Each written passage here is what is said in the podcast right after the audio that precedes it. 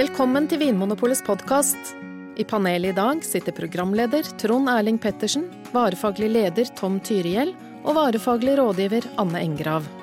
Dagens tema er pinot noir. Eh, Tom og Anne, jeg sitter med ei vinbok, jeg. Eh, den heter Skål av Ingvild Tenfjord. Og så sitter jeg og leser om pinot noir. Og her står det Der Cabernet Sauvignon er robust, fyldig og klar for en fest, så kan pinot noir ved første øyekast framstå som det stille barnet som sitter inne og tegner. Eh, og så vet jeg jo at pinot noir er råstoffet i noen av verdens aller dyreste og mest ettertrakta og anerkjente viner. Så lurer jeg litt på hvordan det her henger sammen, at eh, det lille problembarnet som sitter i en krok og tegner, kan gi verdens beste viner. Eh, hvordan kan det her stemme? Eh, Tom, først, hvorfor beskrives pinot noir som, eh, som en tander kunstnersjel av en drue? Å, ja, si det. Er det, er det noe ved drua som gjør at den er litt sånn litt spesiell? Ja, jeg, skjønner det bildet godt, egentlig. Og det er noe med kanskje at det er litt, sånn, litt vanskelig å gripe dette barnet eller denne druen også. Den, eh, eh, og det er kanskje litt vanskelig å vite hva det skal bli av denne gutten, sånn sett. Det blir litt skribleriene til noe. Men eh, det viser seg at når det virkelig blir bra, så vokser dette ut til å bli en stor kunstner. Mm. Og eh, pinot noir på sitt beste er vin som stor kunst. Mm.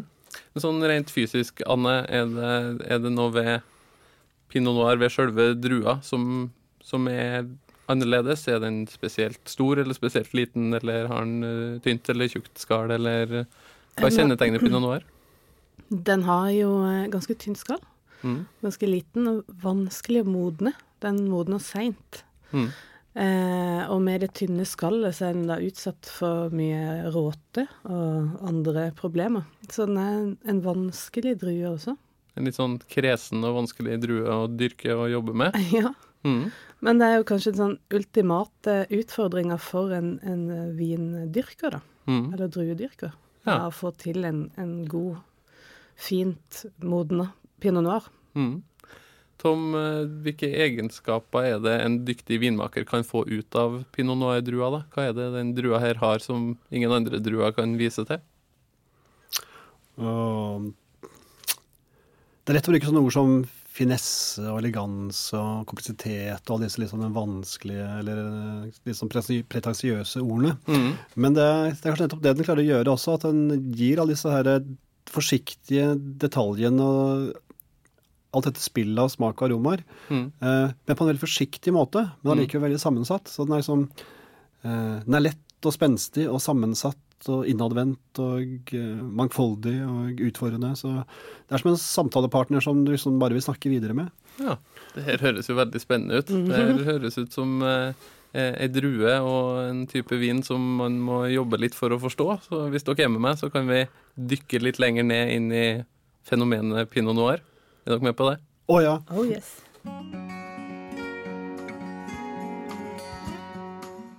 Anne, vi begynner ned på bunn.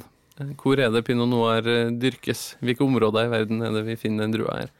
Eh, De mest kjente de finner vi jo i Burgund i Frankrike. Mm. Hvor i Frankrike ligger Burgund? Ja, det ligger omtrent eh, sånn cirka midt i landet, eh, ganske langt mot eh, grensa mot Sveits og Tyskland. Mm.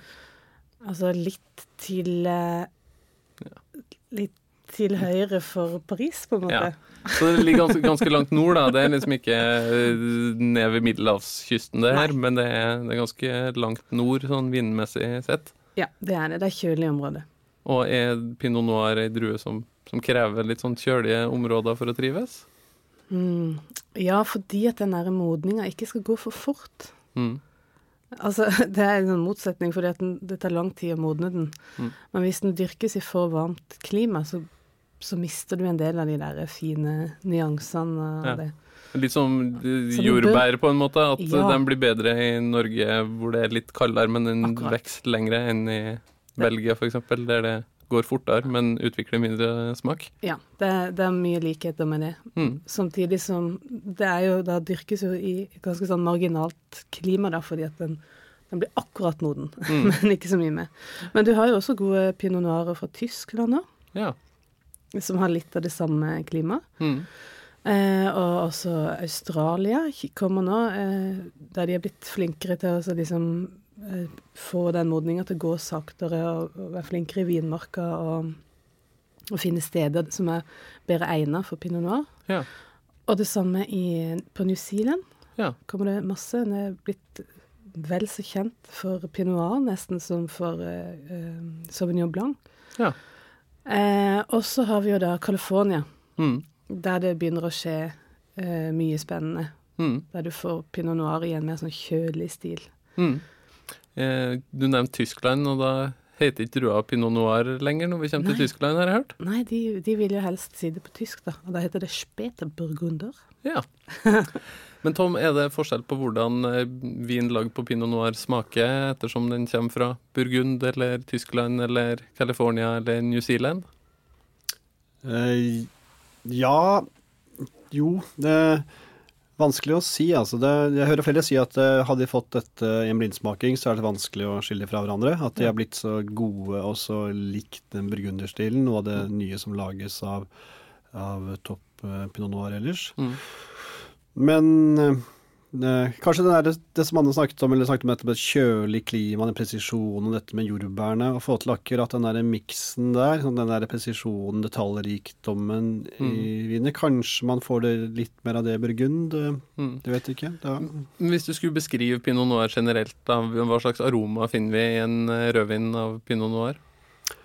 Uh, mye sånt uh, blanding av røde bær, som vi kaller det. Sånn kirsebær, bringebær, jordbær, morell type ting. Mm. Så har man gjerne litt sånn urteaktige ting.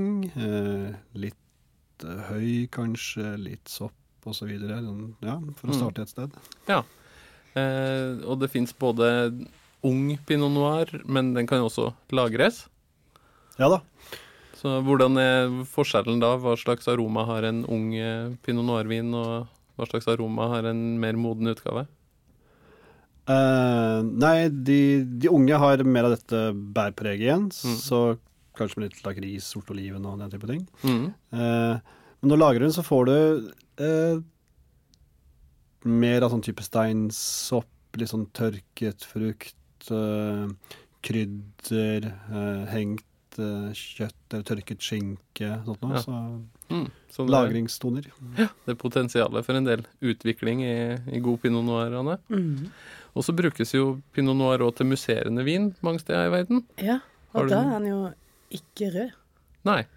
Da brukes den i champagne og For eksempel i champagne er det jo Hvis det står på champagneflaska Blanc de noirs, eller Blanc de Noir, mm. da betyr det at den er lagd bare av blå druer. Ja. Altså da pinot noir. For da fjerner man eh, drueskallet der fargen sitter, og så lager man hvitvin av de blå druene. Du bare presser ut eh, druemosten med en gang uten at det får noe sånn kontakt med skallet. da. Mm. Hva er det med pinot noir som gjør den så egnet til å lage musserende vin av, da? Uh, ja, det er jo igjen den der eh, friskheten eller syra. Mm. Og ja, hvorfor skal man bruke pinot noir? Hmm. Det er tydelig at det fungerer, i hvert fall. Det for det gjøres både i Ja, og da får du ofte litt av det der røde bærpreget, selv om ikke du har eh, farven med også. mm. OK, da har vi tatt eh, en liten introduksjon til pinot noir verden rundt, så da kan vi jo snakke litt videre etter den lille pausen om eh, hvorfor pinot noir har blitt så populær. Det lages god vin av pinot noir mange steder i verden, og i de aller fleste land er det vanlig å skrive druenavnet på etiketten. Ofte står det derfor klart og tydelig pinot noir på flaska. Dette gjelder land som Australia, USA, Chile og New Zealand. Men det finnes noen viktige unntak som det kan være greit å vite om. I Burgund i Frankrike lages all rødvin av pinot noir, men her står ikke druenavnet på etiketten. I stedet merkes vinen med hvor den kommer fra. Bourgogne betyr Burgund, og da kan druene komme fra hele vinområdet. Noen viner er laget av druer høstet i én enkel landsby og bærer da landsbyens navn, som Volnay, Pomar eller Chevry Chambertin. I tillegg kan druene komme fra én en enkelt vinmark, og da står navnet på vinmarken på etiketten sammen med landsbynavnet. Henger du med? Her er en enkel huskeregel. Hvis det er rødvin i flaska og det står Bourgogne på etiketten, da er det pinot noir du har med å gjøre. I Tyskland kaller de ikke druen pinot noir, men spetburgunder. Det er dette navnet du vil finne på tyske flasker med rødvin av pinot noir. Til slutt kan vi nevne at champagne som merkes blanc de noir, eller hvit vin av mørke druer, ofte består av 100% pinot noir. Anne og Tom, nå har jeg tenkt å dele dere på tvers av bordet her. Eh, Anne, jeg vil at du skal si litt om hvorfor pinot noir er så krevende, og av og til faktisk kan være litt skuffende. Og Tom, jeg vil at du skal prøve å forklare hvorfor eh, veldig mange faller pladask for pinot noir og blir lyrisk med en gang den eh, drua her kommer på agendaen. Anne, kanskje du vil eh, begynne? Hva, hva er vanskelig med pinot noir? Eh, Sånn som jeg har opplevd det, så tenker jeg at noe av det vanskeligste er kanskje forventningene. At man forventer at uh, pinot noir skal være noe helt fantastisk Mhm. og vanvittige viner som skal gi den opplevelse man bare ikke Mhm. forstår. Ja, for, for mange av vinene f.eks. fra Burgund, der det Mm. bare brukes pinot noir til rødvin, det, det er jo ganske dyre viner, så man må legge litt ekstra på bordet for å Ja, er slå kloa i. der, I Burgund finner man jo noen av verdens dyreste viner. Mm. Og sånn generelt sett så ligger, ligger jo prisnivået ganske høyt. Mm. Og det syns jeg jo i seg sjøl er et problem. Mm. Eh, men eh, når det er sagt, så er det jo Så har man kanskje hatt noen opplevelser med pinot noir som er veldig bra, og Mm. så måler man de andre opplevelsene opp mot det. Og veldig ofte så syns jeg jo det at man kan eh, slite litt med å oppnå denne samme mm, begeistringa hvis du har f.eks. litt sånn tøff munnfølelse noen ganger, mens du Mm. egentlig er på jakt etter den derre saftigheten Mm. og eh, en eh, druemodning som er liksom akkurat i grenseland, så du henger deg opp i mye sånne Mm. grønne, liksom trådserviette ting, da. At, ja, man skal være klar over hva man kan Ja. forvente av en eh, litt tander drue som er dyrka i et litt Ja. marginalt klima. Du er ikke garantert en god vin, selv om det er pinot noir. Ja, for jeg tenker jo at Hvis jeg bruker da 500 kroner for eksempel, på en flaske rødvin, så har jeg kanskje en forventning om at her vil det være masse smak, og at jeg nesten vil bli liksom slått i bakken av wow, for en fantastisk eh, tilfredsstillende vin. Men sånn er det ikke nødvendigvis med pinot noir. Ikke nødvendigvis. Du kan jo oppleve det. Opplever du det, så er det jo bare helt eh, utrolig. Eh, men som regel så er det jo ting som du Altså, så har jo de forventningene bygd seg opp, Mm, sånn at du ikke hvor, Hva skal til for å innfri eh, forventninger til en 500 kroners vin? mm, For veldig mange vil det være ganske mye. mm. Og ja. ja. Mm. Tom, du er veldig glad i pinot noir. Hva er det som, eh, som gjør at du og mange andre setter stor pris på gode utgaver av pinot noir? Hva er det som kan gjøre den ordentlig, ordentlig bra? Ja, dette er kanskje den vanskelige biten, da, og vanskeligere enn andres oppgave, tenker jeg. For det som jeg sier, som er forelsket, så hvorfor elsker du henne? Ja, men Hun er jo så pen, hun er jo alt. Altså. Ser dere ikke det, på en måte? Sånn, hvordan skal man sette ord på det? Når, eh, du begynte jo med et bilde om dette barnet som satt stille og tegnet Mm. i et hjørne. Jeg husker eh, vår kollega Håkon Skurtveit, Mm. leder for eh, prøvepanelet i Polet, han beskrev en gang Nebbiolo som et silketrykk spent eh, opp i en eh, russen stålramme. Ja. Og jeg tenker at det også er litt som pinot noir, bare at du kanskje istedenfor en stålramme, så har du en litt sånn spenstig morelltreramme. Mhm. Og det er noe med det der, et eller annet som, det er mye struktur i den, det som er den rammen, som er syre og tannin, som er noe viktig i vin. Mm. Så den liksom, eh, det, det stillaset, det skjelettet er veldig bra, og samtidig så har det veldig mange, mange smaker og nyanser, så du blir aldri ferdig med den. Det er lett å fortape seg i dårlige bilder og sånt, men det er, Mm. det er vanskelig å beskrive, men den er, den er sammensatt, den er interessant, og den spiller på mange, mange toner. Det er, Mm. Men er det det at, at vinen av og til kan være litt krevende og vanskelig å forstå? Er det en del av det som tiltaler mange med nå, tror du? Jeg tror også det, at det er noe du eh, At det er en utfordring. Det er noe du må løse og jobbe med og sette deg inn i. Det er Mm. liksom uh, Det er nok litt av et sånn intellektuelt prosjekt også. Ja. Og derfor så er det jo mange uh, vinsmakere eller sånn vininteressertes favoritt også. Mm. Det passer seg veldig bra å være det, for det er regnes som det mest kompliserte. Mm. Men det er også faktisk veldig godt. Så, Ja. så det er noe med at man har smakt mye, så er det lett å falle tilbake på det. Det er så mye i dette her som, i denne vinen som, eh, ja, som det er vanskelig å finne lignende i andre viner. Mm. Så sjøl om uh, vinen ikke skriker med så store bokstaver eller eh, spiller på de kraftigste instrumentene, så, så finnes det mye, mye der som man eh, kan virkelig glede seg over hvis man setter seg inn i det og oppdager det.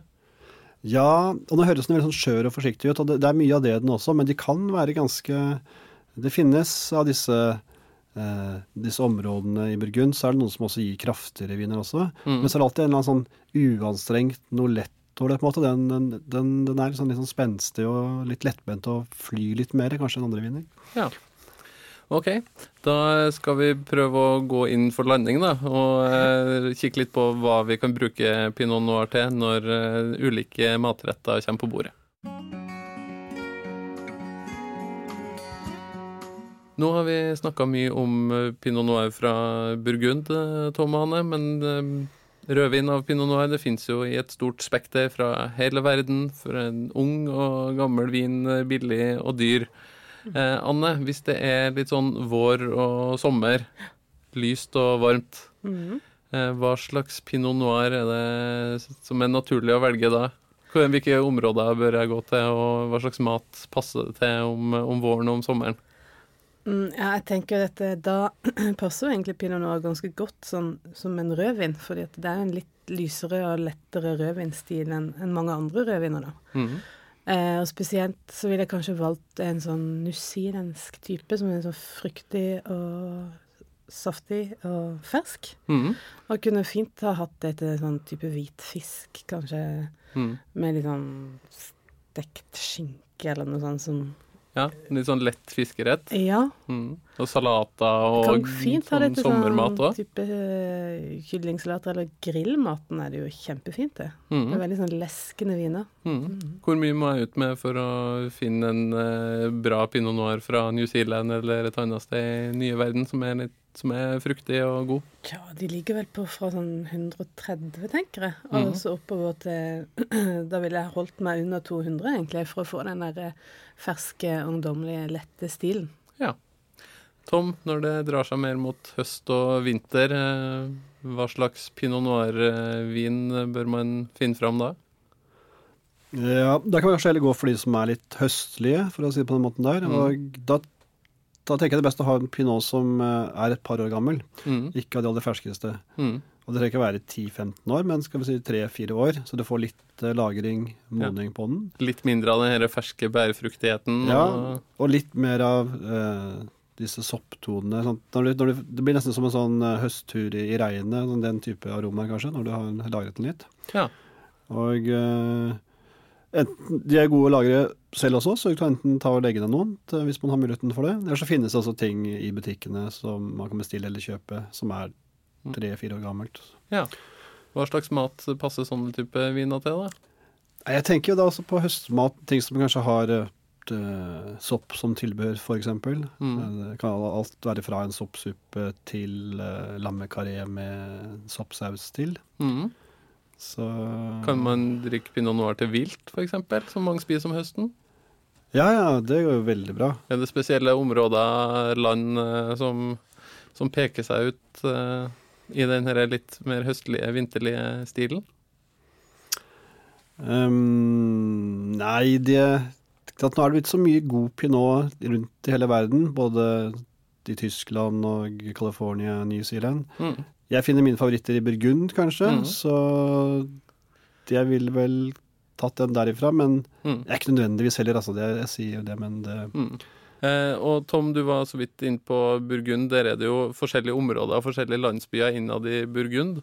Er det store forskjeller på, på pinot noir-viner fra, fra de ulike stedene i Burgund òg? Det er kanskje like store forskjeller mellom produsentene. sånn sett. At Det er ikke alltid lett å kjenne igjen landsbyen. Det er kanskje den, den produsenten i landsbyen som er mer markant enn landsbyen som sådan. Mm. Men noen sånn som uh, Nuit Saint George eksempel, er en landsby hvor det regnes som det er litt, sånn litt kraftigere, litt mer tanninpregede viner. Ja. Så kan du ta en uh, Volny eller en Chambol Musigny, hvor du får liksom litt de mer lette og elegante. Ja. Men, men, det blir en forenkling. Ja. Det høres i hvert fall ut som uh, den som uh, virkelig vil uh, fordype seg i rødvin fra, lagd av pinot noir-drua. Den har en hel verden og, og et ganske stort spekter å, å dykke ned i. Ja.